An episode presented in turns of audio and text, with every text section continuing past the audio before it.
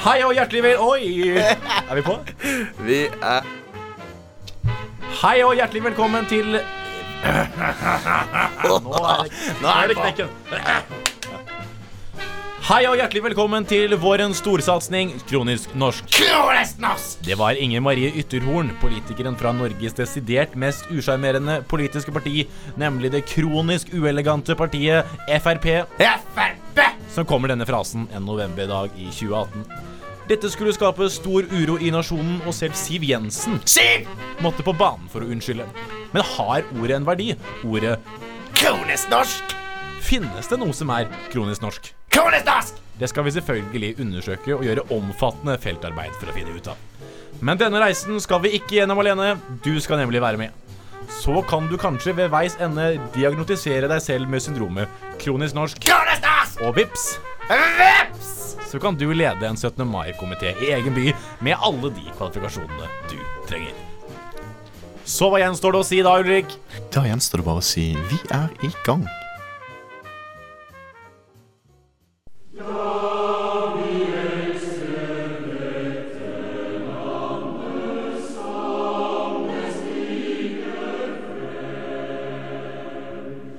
Ja, som kjent, kjære nordmenn, så stiger det frem. Vi føler at det stiger frem eh, her i studio, i hvert fall. Eh, velkommen til Kronisk norsk, et helt nytt program på Studentradioen i Bergen.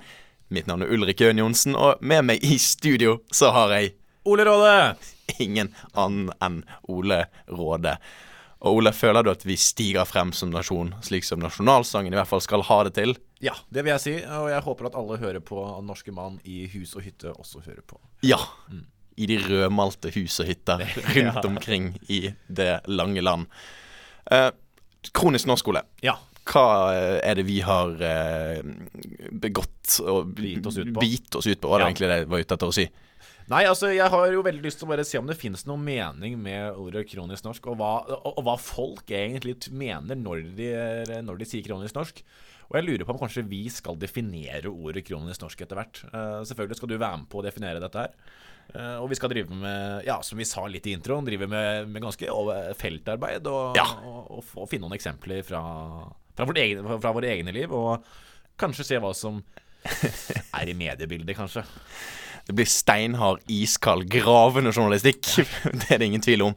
For å finne eksemplene som bekrefter da uh, uttrykket kronisk norsk, uh, som vi uh, i hvert fall eh, syns var det, det fatter om såpass mye at vi er, nødt til å, vi nødt til å skrenke inn litt. Vi må finne ut hvor grensene går for det vi kan definere som kronisk norsk. Ja, og jeg har ingen planer om å la de glemme Nei. Kroner, dette, det, at, de, at, de, at de våger å si kronisk norsk. Det, dette her skal jeg få til Altså, jeg var egentlig litt skuffa over at uh, Språkrådet ikke gjorde dette her til årets nyord. Det er perfekt uh, syssel for deg, Ole. Det hadde jo nå vært å skrive noen sinte brev, tenker jeg, til Ja. Eh, sint brevskriving, det, det, det er vi begge for. Men uh, før man kommer med sånne krasse kritikker, så må man selvfølgelig gjøre omfattende feltarbeid og, og, og, og samle inn data for å finne ut hva egentlig kronisk norsk er. Så vi kan gå rett inn i ordboka, og så kan vår definisjon stå der, da. Men hvordan har vi tenkt å gjøre dette? For det er det var du inne på. Feltarbeidet. Ja. Jo, vi må jo da se litt på ting som rører seg ute i samfunnet her. Eh, nyhetsbildet blir jo eh, på en måte vår beste venn, der vi på en måte kan plukke opp noen av de eh, tingene som, eh, som rører seg der ute i landet, og som kanskje faller inn for definisjonen kronisk norsk. Ja, og er, jeg synes det er veldig viktig at vi ikke går på den feila og sier typisk norsk.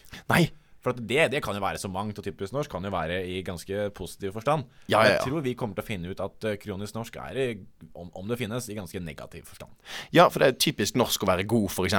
Det er jo mange sånne uttrykk. Uh, fine ting, egentlig. Men altså, det å være kronisk norsk, da føler jeg jo det er jo nesten en sykdom. Det, det er absolutt en sykdom. Det er som allergier. Ja. De, og de er irriterende for andre mennesker òg, ikke bare for seg selv. For det er alltid, Jeg også har allergier, men jeg Jo. prøver å på en måte være litt low key med det. Ja. For det er ikke noe som er mer irriterende enn at uh, alltid skal snakke om allergien, liksom. Ja, sånn, a- a- I liksom april-mai så holder du det hjemme. Jeg holder hjemme hjemme, ja, og så holder jeg kjeft om uh, allergien min. Ja. Det Med mindre noen kommer med en pollensåker inn på rommet mitt, da, da kan det hende at jeg nevner at du jeg er ganske allergisk mot pollen. Ja. Det, det er helt fair. Uh, jeg tenker vi bare knekker i gang, egentlig. Her må vi uh, komme til, uh, til første sak. Og vi tenkte jo egentlig, siden dette er liksom litt sånn oppstart, det er fortsatt litt mørkt og vinteraktig ute, så starter vi egentlig der vi sluttet når vi tok juleferie. Ja. Vi skal nemlig se litt nærmere på den norske julefeiringen.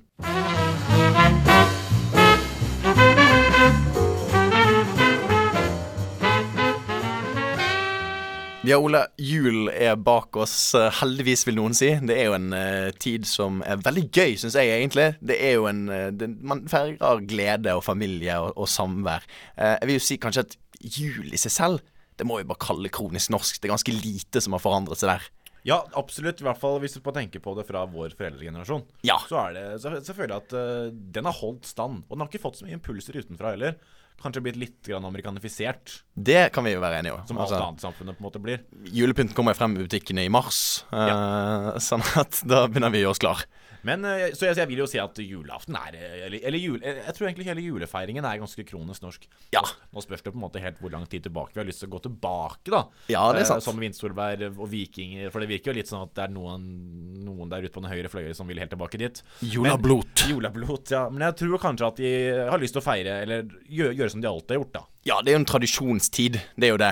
Eh, det er jo eh, en sak som, eh, som alltid kommer i avisen rundt juletider. Og det er jo selvfølgelig dette med obligatorisk julegudstjeneste i den norske skoles regi. Ja, det, det, det, dette syns jeg er et litt sånn der stort paradoks. Det er tydeligvis veldig viktig at den norske skole, eh, for da denne høyre fløyen, altså de som mener at kronisk norsk eh, har en verdi, eh, at, eh, at skolen tar med seg Og det er, det er veldig viktig, det er kulturbærende. At skolen tar med seg eh, elevene sine til en norsk skole for en julegudstjeneste. Ja, riktig. Rett og slett indoktri indoktrinering. Ja. På en eller annen måte. Det er, det er i hvert fall forkynnelse. Til en viss grad, vil jeg si. Ja. Det er i hvert fall forkynnelse. um, men og, og det er veldig viktig, men det er tydeligvis ikke viktig nok til at de tar med barna sine selv på julegudstjeneste. Nei. Så viktig er det ikke. Nei, skolen må jo ha et visst ansvar. Ja, Så da betyr det at de mener at ja, julegudstjeneste, veldig viktig. Men det er ikke viktig nok til at jeg selv tar med mine egne barn til julegudstjeneste. Og jeg tviler på at de tar med Altså, alle kirkene i Norge står nesten tomme på søndager. Ja, det Og resten av alle ukedagene. Eh, Ja, ja, ja, ja, det er en annen begravelse i ny og ne. Men eh, ja. Nei, så det syns jeg er jo litt paradoks. Og det, men det, kommer, det slår aldri feil hvert år, og jeg lurer på hva de er redd for. Jeg. Ja, og en annen ting er jo litt det der med, med som du sier det, at de, de, er ikke så viktig for de, bortsett fra akkurat rundt juletider. Ja da. Da kommer skriveriene. Ja, det angrep på julen! Og jeg, jeg ser vel for meg at det er en slags eh, sånn derre Er vi ikke forsiktige nå, så kommer muslimene til å ta over. Ja, det, det er litt den du får. Ja. en annen ting er at de har jo glemt å spørre barna. Uh, om Det er ikke viktig. Du spør ikke barna om de syns at matte er gøy. Gjør du det? Og så, Gud, er gøy! Gud, De vet ikke selv engang! Nei. Så, så der kan du se, da. Men, men der har jo egentlig et eksempel på, på et, et Norge som er i ferd med å halvberedes, da. Egentlig. Ja, for det, det, det, det er jo det vi skal om. Er julegudstjeneste kronisk norsk?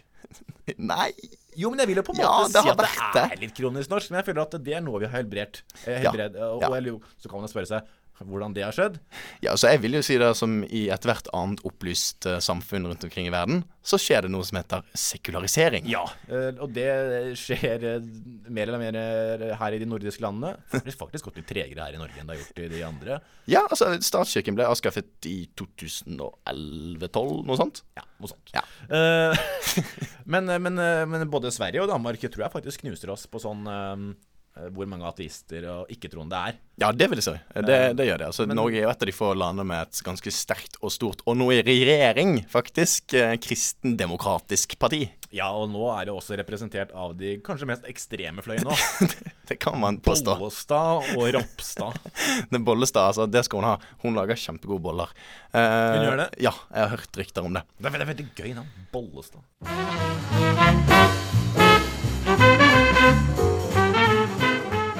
En annen ting eh, som jeg bet meg litt merke i da med Ja. julefeiringen i år, eh, det er at jeg har en tradisjon der jeg pleier å på lille julaften, da, kveld før kveld på NRK, det setter alt på TV. Ja, stemmer det. Ja, for du følte deg vel angrepet, du, av en okkupasjonsmakt? Ja, jeg følte jo det at uh, vi var tilbake i en tid som het eh, Danmark-Norge. Ja. Uh, der da den danske kjøkkensjefen på Michelin-stjernerestauranten Maemo i hovedstaden valser inn på kjøkkenet til uh, intetanende nordmenn og skal lage pinnekjøtt. Ja, for det, eh, Dette snakket vi jo litt innledningsvis om at på en måte julen har egentlig vært ganske uberørt fra impulser utenfra. Ja, eh, det, og, og på noen punkter så syns jeg det er en god ting. Ja. Sånn som pinnekjøttet for meg, det er litt sånn, det, det er litt sånn hellig gral. Altså det er litt sånn untouchable, da. Uh, og så kommer da denne Espen Holmbo Bang. Intet mindre dansk navn enn det. Nei. Og sier at Nja, altså jeg, jeg er egentlig ikke så imponert over pinnekjøtt, jeg. Syns det er litt Nei. traust uh, rett. Men her er min Maemo-tvist på retten pinnekjøtt. Ja, så du, så du har rett og slett blitt irettesatt på hvordan man skal lage pinnekjøtt. Men da, men da går jeg ut ifra at denne Maemo-sjefen har på en måte lagd uh, pinnekjøtt ofte. Ja, det var det han også klarte å innrømme og lire av seg på luften der. Han har laget det tre ganger. Tre ganger, ja. Det, det, Tre ganger, Ole! Vi har laget det i 1000 år her. Ja, jeg syns det, det er imponerende. Og det, og det er jo at, at han tør. Ja. Så det som denne Espen Holmbo Bang kommer og foreslår, det er at istedenfor å dampe pinnekjøttet slik du har gjort i 1000 år, Ja. så skal du nå dampe, dampe det i epleøl. Epleøl. Ja. Men altså, epleøl også er jo sacrilegious. Ja, det Eple og øl. Altså, dette er jo Dette er banning i kirken. Ja, Eplesider den er jeg med på. Ja, det står epleøl her. På nrk.no skråstrek mat. Det er Rikskringkastingen, dette her. Dette er nasjonalt. Ja, dette- dette er nasjonalt, Ole. Så her kommer den dansken, og da på en måte skal være en sånn overformynder, og selvfølgelig da fra kongens by å komme med hvordan da nordmenn skal eh, tilberede sin En av nasjonalrettene våre. Liksom pinnekjøtt. Det jo, altså, finner du noe mer tradisjonelt, og, og finner du noe Det er en grunn til at det er så tradisjonelt også. Det funker. For Ja. de, de som liker pinnekjøtt, de liker det sånn som de alltid har likt det.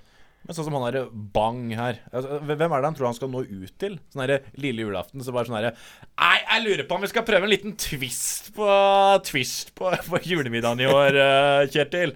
Det er det som er så skummelt. For der ute i dette rike landet Norge, så har vi også et annet fenomen som heter hipstere. Ja. Og når hipstere da på Grünerløkka eller eh, på Møhlenpris her i Bergen inviterer liksom til julemiddag, så kommer gjestene med store smil og gavepakkene og store forventninger. Og så i gangen, da, mens de tar av seg jakken, så sier da han som har laget den julemiddagen sammen med sin bedre halvdel, at Altså, i år har vi gjort en liten twist på det. Eh, så et jævla interessant program i går på NRK med han eh, Maemo-sjefen. Så det har vi gjort her, da. er har knust litt grann malt yrt, uh, hyllebærblomst og uh, litt eh, saltstein fra Himalaya. Hevet det oppi der, latt det koke ned med noe epleøl.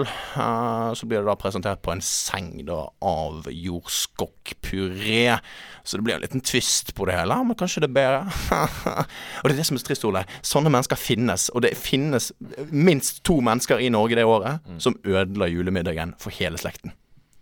For hele slekten. Men jeg tror dette kommer ikke til å gå ubemerket hen. Nei, det gjør ikke det. Og jeg, jeg er jo litt redd for at disse hipsterne de, Altså, de kommer jo til å bli slått så, så til de grader. Ja.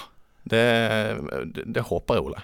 Ja, så Hadde noen kommet med kanelstang og epledruer på, på min ribbemiddag Nei. Altså, altså i sted, altså De hadde fjerna svoren eller et eller annet sånt, så, så da hadde jo, da hadde jo ja, Jeg hadde drukna dem, tror jeg. Men det skal han ha, Espen. Han er jo gift med en norsk eh, dame. Og jeg så at hun ble ganske irritert over de tingene som han klarte å lire av seg på live TV der, da. Eh, så jeg tror han fikk høre det i bilen på vei hjem, da. Da var hun, eh, da var hun sikkert sur på han. Ja, for det, det, er jo, det, det er jo helt vilt. Altså, det, det, det er et overgrep. Det er et overgrep! Det er overtramp. det er overgrep. Ja. Og og det, I disse overgrepstider så vil jeg si at eh, dette her burde bli en Kanskje ikke en metoo-sak, men en uh, eh, me vestlending tu... Ja, et, et eller annet sånt. det må bli en hashtag. Folkens, send gjerne inn et forslag til hashtag på det, på det der. Men så er det jo selve julaften, Ole. Og uh, vår favoritt. De tre nøttene. De tre nøtter Askepott. Det hviterussiske Hvor er det fra? Er det, er det Hviterussland? Tsjekkisk. God gammeldags tsjekkisk klassiker. Tre nøtter til Askepott. Så er det jo Knut Risan som, eh, som, er, som har dubbet dette her. store helt. Og det er faktisk en eller annen som klarte å lire av seg her ute Vi har et lite sånn lunsjrom her på Studentradioen, Ja. eh, som sa det at eh, han dårlig oversetteren Altså, blodet, det bruste. Jeg regner med det ble ganske stille i det rommet. Ja, han fikk jo litt sånn her Ja, enig. Jeg, ba- jeg kjente at jeg, jeg, kjente at jeg ble, ble, ble skikkelig forbanna. Og jeg, jeg, jeg, jeg måtte dra. Jeg måtte gå. Du, du måtte ut og trekke, trekke luft? Jeg måtte, måtte jeg måtte rett og slett bare gå. Ja. Jeg blei så forbanna at jeg måtte rett ned til bypsykologen her nede Mm. og fortelle at dette her har vært en traumatisk hendelse. ja det, det gikk inn på deg, rett og slett. Ja. Men, men altså, hva er det med Knut Risan? Hva er det du eh, Hva er din favorittquote fra eh, Tre nøtter? Ja, det er jo Dette er kanskje veldig mange andres favorittkvote også, men det er jo når han forlater da den der læremesteren, og så, så skriker det jo fra han Hva med studiene da, prins? Hva med studiene? og jeg klarer selvfølgelig ikke å gjøre dette her rettferdig, Uh, altså i forhold til hva, hvor, hvor godt han gjør det. Nei. Men uh... Min, min favoritt er jo uh, enda bedre, syns jeg, da, eh, selvfølgelig, for det er min favoritt. Ja. Um, og det er jo det at det er 50% skilsmisserate i byene. Så du kan jo tenke deg rundt omkring uh, i de stressede julehjem på julaften, når alle barna sitter samlet foran der, og du ser liksom nye konen til far står i, uh, i bresjen der og lager til for julefest. Og så kommer det fra TV-skjermen, godt skrudd opp volum. Ja, en stemor er og blir en stemor. Ja, det er jo det men, det, det, Så jeg vil si at eh, Knut Risan er jo kronisk norsk, men det, Ja. ble vel et forsøk på å modernisere den her eh, Var det i fjor, eller? Ja, ja det, var, det var noe greier der. Um, Da var det mobilisering. ja. Det, Mobilisering av Nor- Og det liker jeg. Ja. Sånne ting er jeg glad i. ja. Så, så det, er sånn, det er litt forskjellige punkter i julefeiringen og juletiden som kanskje går mot helbred, men vi må fortsatt konkludere med at julen, Ja. den er Kronisk norsk. kronisk norsk. Absolutt kronisk norsk.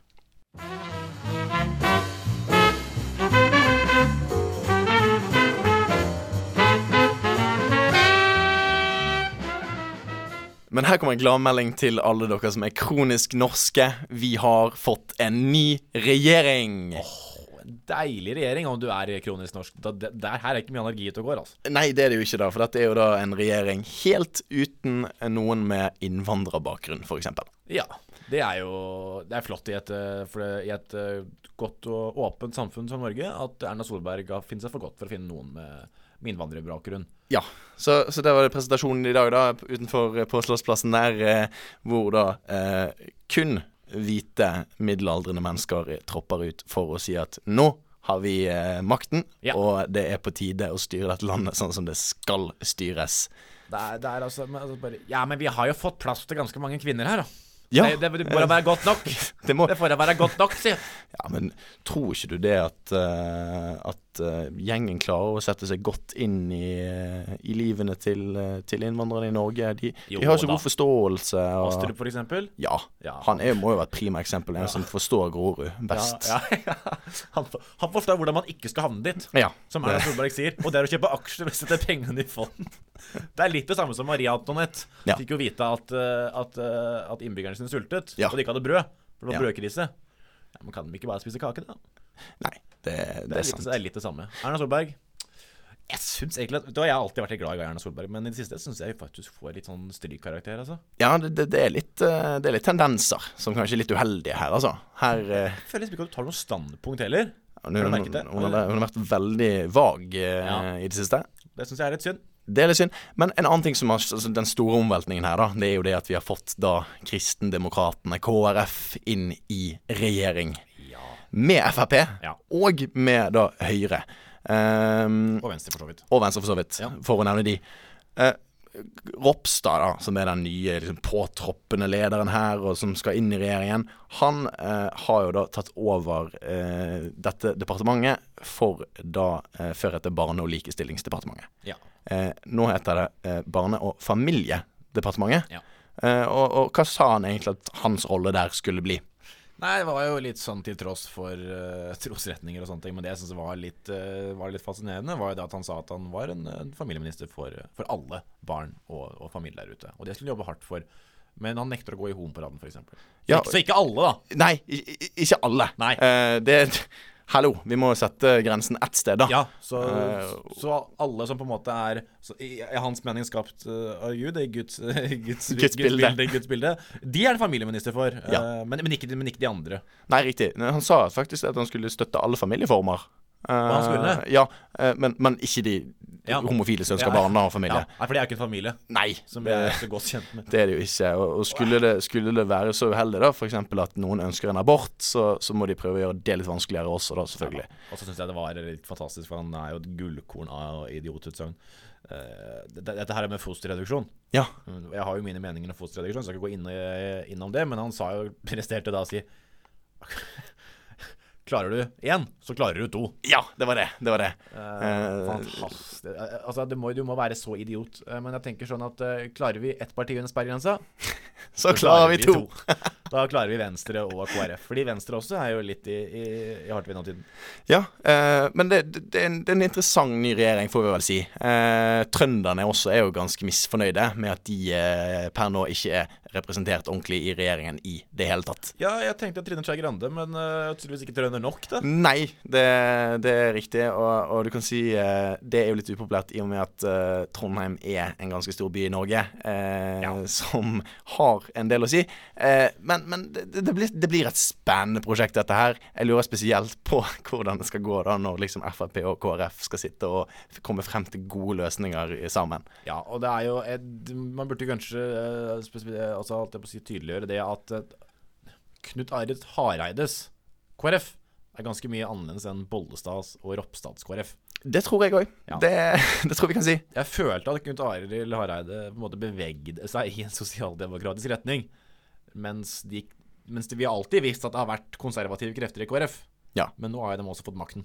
Ja, nå har vi på en måte gått fra en, eh, fra en, eh, en leder av KrF som er en sånn Ned Flanders i Simpsons-type, Ja. eh, til da på en måte å få en som heter Bolle til etternavn. Og det spørs om ikke det kommer til å bære preg av, av det. da, At det blir mer, det blir mer bakst og mindre, mindre sånn koseprat. da. Men jeg lurer på om vi kan si at dette her, denne regjeringen her er absolutt kronisk norsk. Den er kronisk norsk.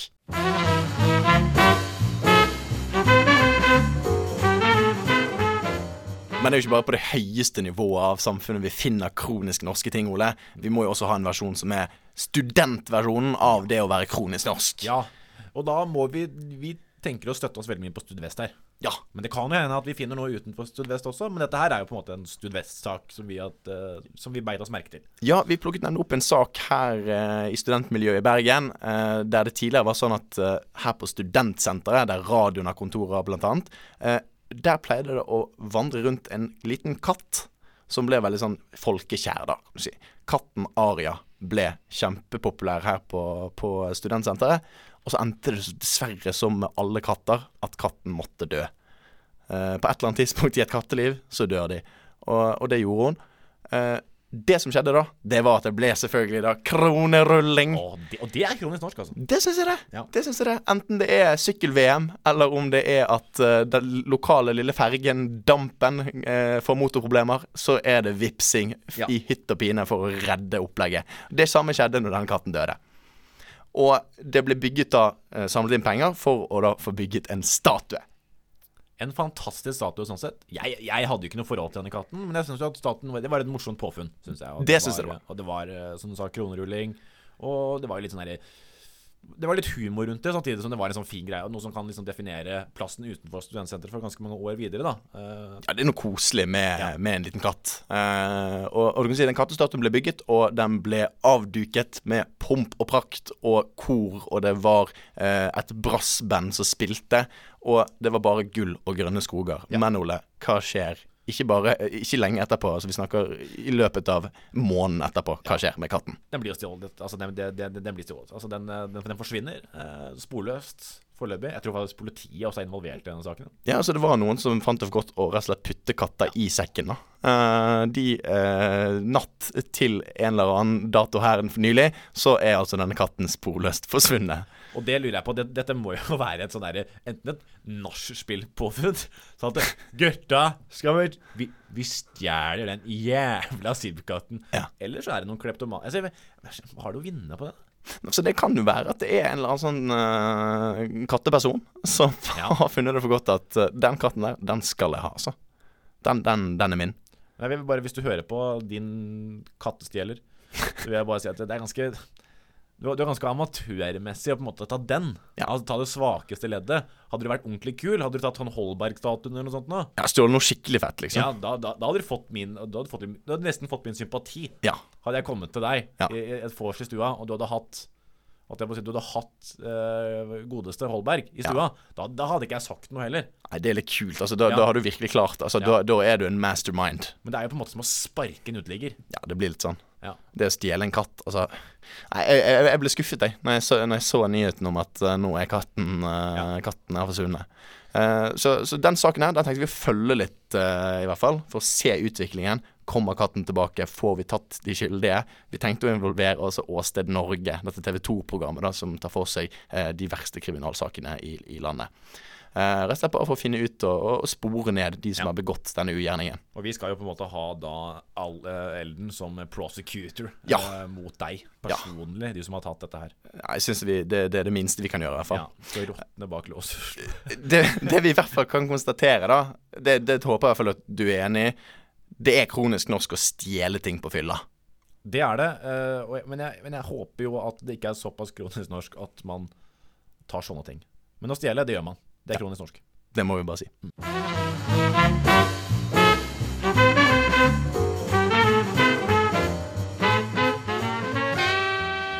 Men Ole, det er på tide at vi tar en prat.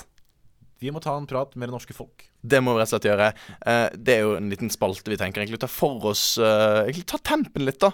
På ting som rører seg i, eh, i det norske samfunn. Og denne gangen så står vi jo litt overfor moralfilosofien, vil jeg si. Ja, vi står overfor en eh, person som heter Jordan Peterson. Ja, Jordan Peterson, han har jeg skjønt er canadier. Og hvem er egentlig denne mannen? Ja, altså Han er jo en kanadisk professor som ble ganske populær.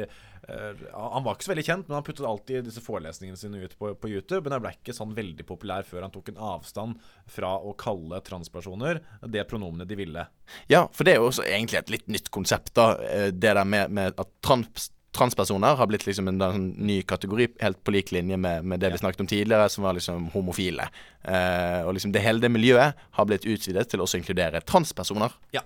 Eh, og jeg har ikke veldig lyst til å på en måte male et feil bilde av Jordan Peterson, sånn at eh, du som hører på Jordan Peterson, er fascinert over hva han kommer og «Eh, Det var ikke det han sa! Du forstår ikke hva han mener! Ja. Jeg, jeg skal presisere. Det var at det han egentlig kjempet mot, var at staten skulle få lov til å si Altså, altså, altså at han skulle kunne bli straffedømt Ja. om han på en måte ikke kalte dem dette, dette kjønnspronomenet.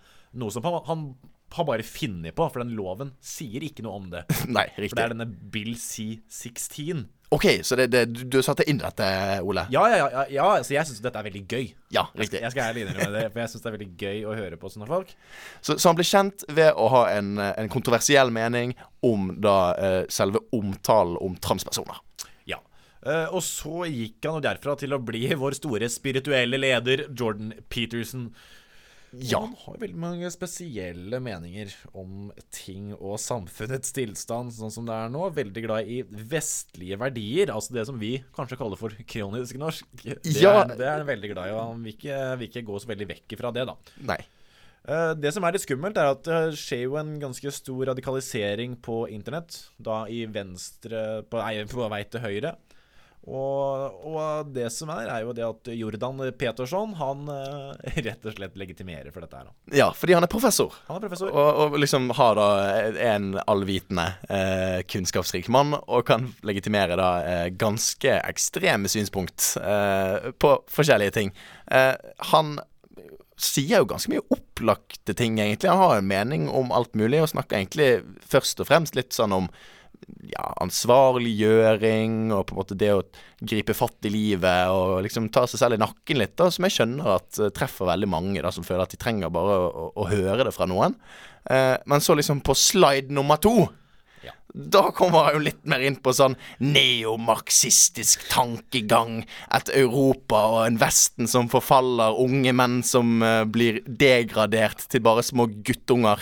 Eh, er du sikker på dette, Jordan? Er det noen som har du, har du, Sendte du denne til noen som fikk se gjennom den før du presenterte den for denne konferansen? Eh, Ja, altså, som du sier, altså, jeg er veldig Jeg er for folk som snakker om å ta ansvar. Og jeg syns, sånne folk er eh, all the power to you, men det er ganske åpenbarte greier. Og, og så er det Han snakker jo i disse, her, disse samtalene hans, disse her talksa, som det heter. Det heter jo foredrag på norsk. Ja. Ja. Og han var jo faktisk i Norge for ikke så veldig lenge siden. Det stemmer. Og han snakker jo en time, og jeg klarer jo ikke Jeg forstår jo ingenting. Han snakker om, han snakker om ingenting. Og jeg tenker sånn Hvis ikke jeg forstår det Nå høres det jo ut som jeg er sånn utrolig smart, men det, det er Hvis ikke, ikke jeg hvis ikke jeg forstår et kvekk av hva han snakker om, Ja.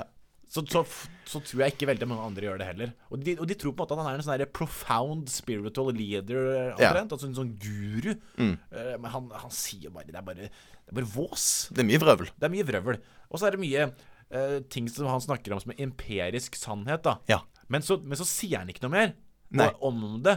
Så, så da blir det opp til de som hører på han, å på en måte definere det videre liksom, hva som er grunnen. da Ja, For han tar jo aldri noe standpunkt. Han har jo en uh, veldig populær teori om noe, noe jeg, jeg, jeg skjønte ingenting. Noe hummergreier. Ja, Greiene er jo det at uh, i hummerverden Den kjente så, verden. ja, så, så, jeg si- så, så hummerne selv lager sitt eget hierarki, da, ikke sant? OK. Og sånn at de, de slåss med hverandre, og så er det Don Papa, og så er det ikke Don Papa. Ikke sant? Og så mener han at OK, ja, men dette er sånn det er i, i vestlige Gud. Det er sånn det er hos mennesker også. OK! Ja, og det, og, og, og, og det stemmer jo på en måte. Altså, hierarkier fins blant mennesker. Og så sier han at ja, den kulturmarxistiske venstresiden vil eh, fjerne alle hierarkier. Nei. Det vil vi ikke. Selv ikke anarkister. Så på en måte hele jobben deres er å på en måte, er å på en måte fjerne alle hierarkier. Nei. Men det, er jo, det vi vil fjerne, er urettferdige hierarkier. Altså hierarkier som går på kjønn, økonomi og makt. Ja. Eh, Som, jeg, som høres ut som en ganske sånn demokratisk tilnærming til mer likhet og fred og peace nest. Ja, for det, det er, vi, vi er jo fullstendig klar over at det er noen biologiske hierarkier vi ikke får fjernet. Jo, det er greit, men jeg føler at jeg er litt, litt over hummeren igjen, da. Så jeg kan på en måte resonnere meg frem til at det ikke trenger å være enten-eller. Ja, Og så er det jo sånn at hvis du bruker dette argumentet til Jordan Peterson, så kan du legitimere alt. Ja. Du kunne vært en 1700-talls republikaner som snakket mot monarkiet, og så kan jo da eh, monarken snu seg rundt og si Vel, det er noe sånn at hos homerne så, så arrangerer de mennesker i hierarkier Ikke sant? Du, du kunne bruke det til å legitimere alt. Det er helt sant. Så jeg, jeg tenker egentlig det at uh, gjør da heller som monarken. Spis mer hummer, og hør litt mindre på Jordan Peterson sitt resonnement. Så snill. Vær litt, vær litt kritisk tenkning. Ja, ja. Så hva skal vi si til, til de eh, som eh, hører til og, og kan du si sokner til Jordan Peterson? Er de kronisk norske? De er absolutt kronisk norske, og jeg vil at dere skal skrive til oss. Ja. Hvorfor er du så glad i, i Jordan Peterson? Ta og så overbevise oss om eh, hvorfor vi bør høre mer på Jordan Peterson når vi leder våre egne liv.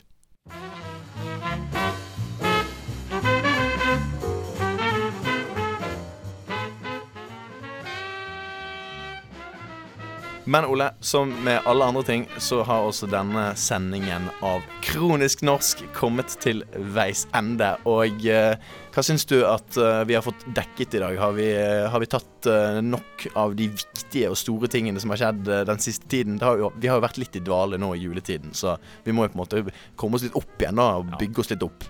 Vi har jo fleska i oss mange kilo med julemat. Og, og sånn, Så da er det deilig å komme tilbake. Men dette var, jo på en måte første episode. Dere har fått et smakebit av hva vi kommer til å jobbe med. Og jeg håper at vi kan få gjort litt mer feltarbeid og sånn eh, etter hvert. Vi kommer kanskje litt tilbake igjen til det.